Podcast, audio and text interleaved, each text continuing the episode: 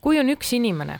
äh, kelle nimi ja nägu, lugejanumbrid äh, Eesti ajakirjanduses alati taevasse lööb, äh, samuti ka saadete puhul ja loodetavasti ka raadiosaadete puhul, siis selleks on Rainer Saks. Rainer Saks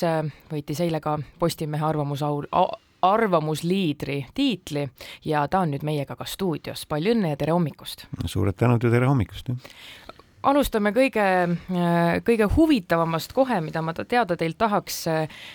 kus, kuskohast te oma informatsiooni saate, sest et te olete ju aasta otsa või ütleme, sõja algusest saati, mis on oluliselt rohkem kui aasta, kaks ja peale äh,, kirjutanud ülevaateid äh, sõjast äh,, täpsemalt, mis Ukraina rindel toimub, see eeldab ikkagi päris palju taustatööd, arvaks mina. no ikka tuleb usaldada neid, kes juba teevad selle esimese, äh, esimese sõela, et kuna sündmused toimuvad meist kaugel, siis paratamatult ei saa seal kohapeal ise olla, aga on võimalus jälgida Ukraina meediat äh, ja mida ma, mida ma teen siis igapäevaselt, siis on sotsiaalmeedia teatud kanalid, mida ma pean nagu vääri, väärtuslikuks ma olen ka rõhutanud, et ma loobusin Vene meedia kasutamisest äh, siin kaks aastat tagasi. enne seda vaatasin ka Vene meediat, sealt võis ka midagi aduda, aga, aga noh, nüüd on see nii töömahukas, et ei, ei tasu ära minul vähemalt ja on olemas inimesi, kes jälgivad Vene meediat jätkuvalt ja, ja sõeluvad sealt midagi välja, siis ma kasutan nende, nende teenuseid ja lõpuks, mis on ka väga oluline osa, on see, et tuleb suhelda tarkade inimestega, et see aitab alati palju edasi. No rind, kui, kui me lihtsalt mõtleme rindejoone peale, siis see on ju nii äh, noh, põrgulikult pikk igas mõttes, nii, nii pikkuse kui ka olukorra mõttes, siis äh, see tähendab ju ka tohutult palju nii-öelda mm, kohalike olude ikkagi mingit pidi tundmist, geograafia tundmist, kas see tähendab, et te noh, töötate ka kuidagi kaart käes või, või, või nii-öelda gloobus käes, et aru saada, kus, mis, mida, mis on teed ja kus on mingisugused kõrgendikud ja, ja mida kõike veel? No ma päris nagu seda taktikalist olukorda ei jälgi, seda Eesti blogisfääris ikka mõned inimesed seal teevad väga detailselt ja ma arvan, et noh, enamus inimestele võib-olla see ise kaardiga selle blogi lugemine ei ole võib-olla hea, et ma olen just üritanud vältida nagu liigseid detaile mm -hmm. nii nimede et noh, ma kasutan vähem nimesid kui rohkem positsioone inimeste puhul, et oleks nagu arusaadavam, mis see protsess nagu on ja, ja ka geograafias, noh, ütleme mul Ukraina geograafia tundmisega probleemi ei ole. Ukrainaga väga palju tegelenud ja olen ka seal ise käinud, aga, aga äh, inimesed ei saa noh, ütleme vaadata neid väikseid jõgesid ja ise taga otsida ja enda seda peas ette kujutada, et neil on vaja kuidagi nagu abstraktsemalt see kohale viia, see info, ma arvan, et see on see, mida ma nagu ürit-, olles endine õpetaja, natukene tean, et kuidas, kuidas infot vastu võetakse, ma see, üritan just nagu lihtsustada seda nagu sellisele tasemele, et ei peaks nagu väga ise olema tausta eelnevalt põhjalikult uurinud, et, et sellest aru saada. Miks te neid ülevaateid üldse teete, sest kui ma ei eksi, siis päris äri te sellega ju ometi ka ei aja, aga see on ikkagi väga tõsine töö, miks? äri ma sellega ei tee, ei ole, ei ole mõelnudki teha või noh, ma ei tea, kuigi mingid äriteooriad ütlevad, et, et mingil hetkel peaks hakkama sulle nagu midagi tagasi tulema, aga noh, see pole nagu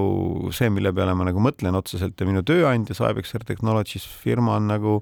ju tegelikult äh, aktsepteerinud, et ma kulutan päris arvestatava hulga ajast nagu selle tegevuse peale ja seetõttu ma ei saa öelda, et ma nüüd noh, olen nagu päris tasuta seda, seda tööd teinud, et mu, mu firma on nagu mind toetanud ja, ja, ja meie firmas on ka väga palju tööd Ukraina suunal ja, ja see natukene aitab võib-olla ka meil endal nagu tajuda seda, mida, mida on seal vaja teha paremini. aga äh, ma teen seda ikkagi eelkõige sellepärast, et äh, et noh, see nagu alati need asjad hakkavad kasvama millestki nagu väiksemast ja, ja siis kuna ma kirjutasin seda alguses nagu väga suletud ringis ja sealt hakkas ta levima ja alguses ajakirjandus küsis, et kas tohib kasutada ja siis nad harjusid ära, et tohib kasutada, nii nad kasutavad ja siis ta nagu on niimoodi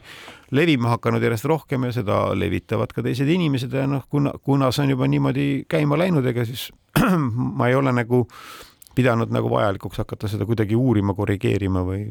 las, las ta siis olla. no e, ikka peab küsima, mitu tundi päevas see aega võtab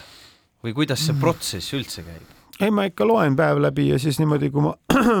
märkan midagi, siis ma üritan seda talletada, et no eks ta kokkuvõttes mingi kaks, kaks pool tundi võib-olla päevas ikka läheb, võib-olla mõni päev rohkem, teine kord, kui on, kui on niisugused reljeefsed sündmused, mida on lihtne käsitleda, siis läheb vähem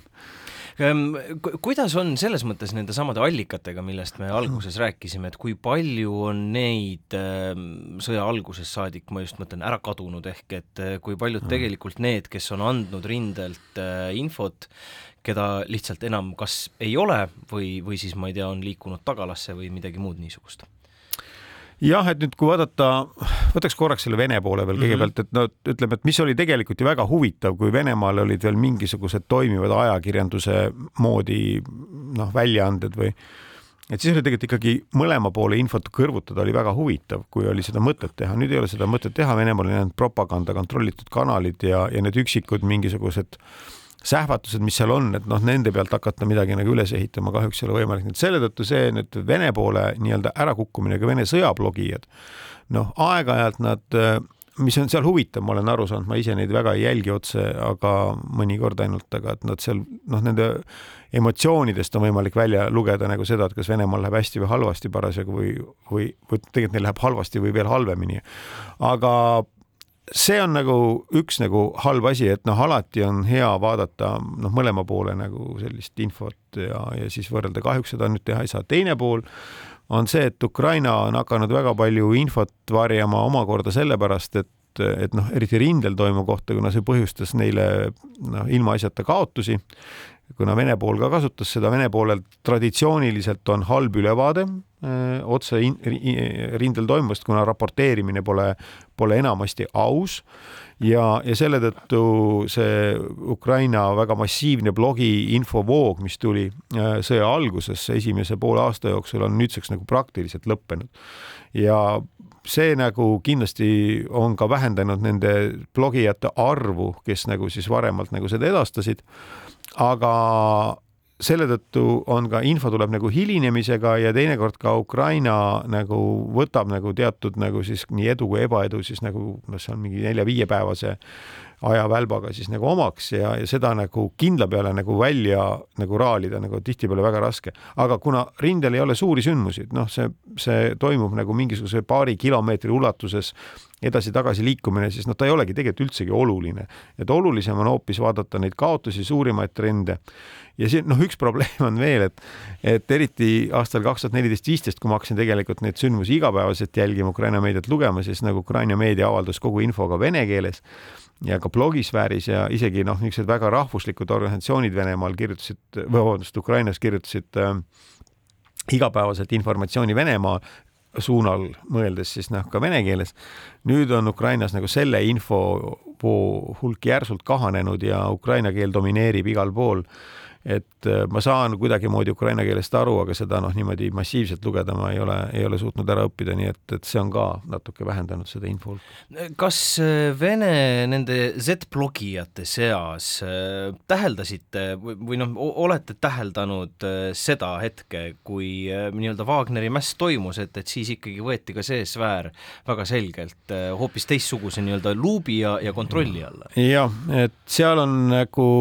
erinevad erineva meelsusega inimesed, ütleme, ma ei tahaks neid hakata neid rühmitama mm -hmm. või, või klastritesse, aga nagu on erineva meelsusega inimesed ja siis need, keda siis noh, lääne inforuumis kutsutakse ultranatsionalistideks. mõnes mõttes on see õige, et no nemad on siis nagu kriitilised Venemaa juhtkonna suhtes just nagu selles plaanis, et noh, nende arvates ei, ei õnnestuta, ei saada hakkama, ollakse saamatud ja ei osata seda sõda Ukraina vastu pidada, nad ei vaidlusta sõda kui sellist Ukraina vastu, aga on siis kriitilised Äh, just, et, äh, et see Vene armee ei toimi. ja nüüd ma arvan, et see poliitiline juhtkond lasi sellel seltskonnal nagu elada, kuna see kritiseeris armeed valdavalt ja see pani nagu armee teatava täiendava pinge alla ja sund-, aga nüüd nagu see Prigožini mäss näitas, et ka selline kriitika on ohtlik Venemaa poliitilise süsteemi jaoks ja nüüd on tõepoolest nagu see nii administratiivsete meetmetega, nagu vene keeles öeldakse, kui siis ka, kui siis ka nii-öelda mõjutusvahenditega nagu pehmemate mõjutusvahenditega on siis seltskond ka võetud rohkem kontrolli alla, nii et tegelikult, mis on probleem, mille õngega siin meil Eestis, ka mina olen läinud paar korda, eks, eks nad ikkagi avaldavad ka valeinfot võimendavad äh, väikseid edusid palju suuremateks, et noh, sealt võib jääda teinekord mulje, et, et Vene armeel läheb palju paremini kui tegelikult, nii et noh, nende auditooriumi siis nüüd üritatakse nagu kasutada pigem siis nagu selliseks äh, noh, mitte päris väärinfo ainult, aga noh, niisuguste meeleolude, äh, patriootlike meeleolude nagu siis lai, laiemale levik, levitamisele, jah eile arvamusliidri äh, tiitli pälvinud Rainer Saks, äh, kasutan kohe ka võimalust arvamust küsida, et läbi aja ja sõja algusest, noh, ütleme nüüd Venemaa sissetungi algusest, on äh, asjatundjad avaldanud erinevaid arvamusi, et millal siis võiks see sõda lõppeda, eks neid möödapanekuid on siin ja seal olnud mis teie tänane seisukoht on, kui pikaks see asi siis lõppu, lõpuks venida võib? no ja väga raske on seda ennustada, et kogu aeg on mingi otsustusmoment, et kuidas see juht, kes, kellest see otsus sõltub, kuidas ta otsustab, et noh, ma, mina eksisin sõja alguses äh, ka väga tõsiselt, sest noh, kui sa vaatasid, noh, ma lihtsalt seletan natuke, et miks oli, oli selline moment, kus sõja alguses Venemaa president igasugust tegi seal väga selgelt meeleavalduse, ütles, et mobilisatsiooni ei tule. no siis on, tead, kui suur on Vene armee sel ajal, umbes kakssada nelikümmend tuhat oli et nad, nad mobiliseeris, sai juurde mobiliseerida seal no kuni sada tuhat, kes olid nagu reservi läinud, profisõdurid ja, ja Venemaal on traditsioon, et ajateenijad sõtta ei viida. kui te mäletate, sõja alguses leiti mõned ajateenijad Ukrainast, kes sattusid vangi ja sellest tuli Venemaal suur skandaal nii et ja, ja Vene võim tõmbus kohe tagasi, nagu see poliitiline süsteem sai kohe aru, et see on, see on ohtlik ja see on Tšetšeenia sõdade kogemus, no ühesõnaga kõige seda arvestades, nähes, mis on kaotused, kuidas Ukra-, Vene armee taganes, eks ju, sealt Kiievi alt ja, ja sattus väga suurde hätta äh, suvel kaks tuhat kakskümmend kaks, et no siis on loogiline, et kui mobilisatsiooni ei tule, see armee saab otsa, et see sõda ei saa kesta nagu kaua.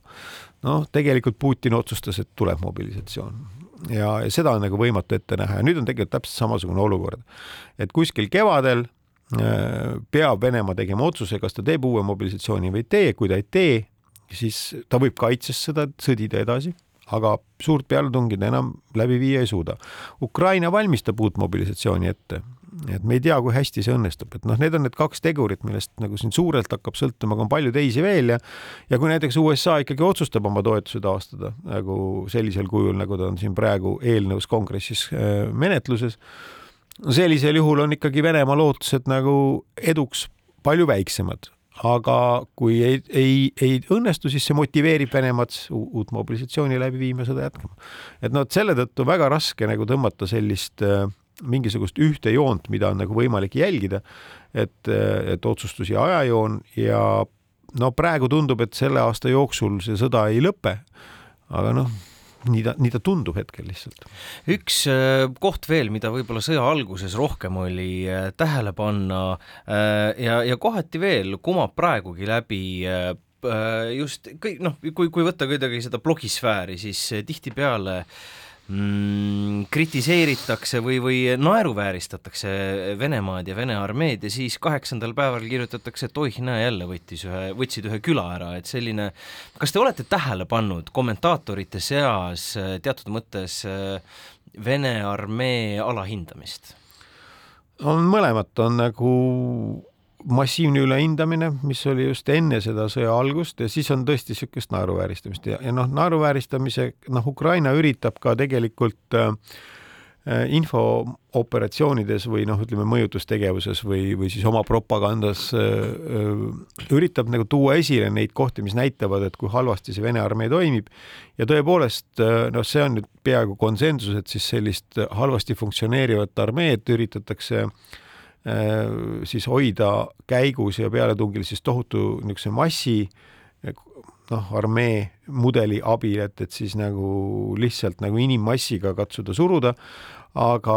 noh, me teame, et, et see toob kaasa väga suured kaotused. aga teistpidi tõepoolest, ega siis noh, Vene armee on kandnud väga suuri kaotusi, mida mitte keegi ei oodanud ega osanud ette näha, kuid äh, ta ei ole siiski purustatud ja, ja selle tõttu äh, noh, ütleme, et see, see on nagu, kuidas nüüd võtta, eks ju, et, et kui sa, kui sa ootad, et nad pidid vallutama nädala kahe-kolmega kogu Ukraina, siis selleks nad osutusid täiesti suutmatuteks, aga, aga nagu Ukrainast välja lüüa pole neid ka õnnestunud, nii et noh, kahjuks, kahjuks on nad ikkagi võimekad veel, jah. Rainer Saks, aitäh täna hommikul Kuku raadiosse tulemast! palun!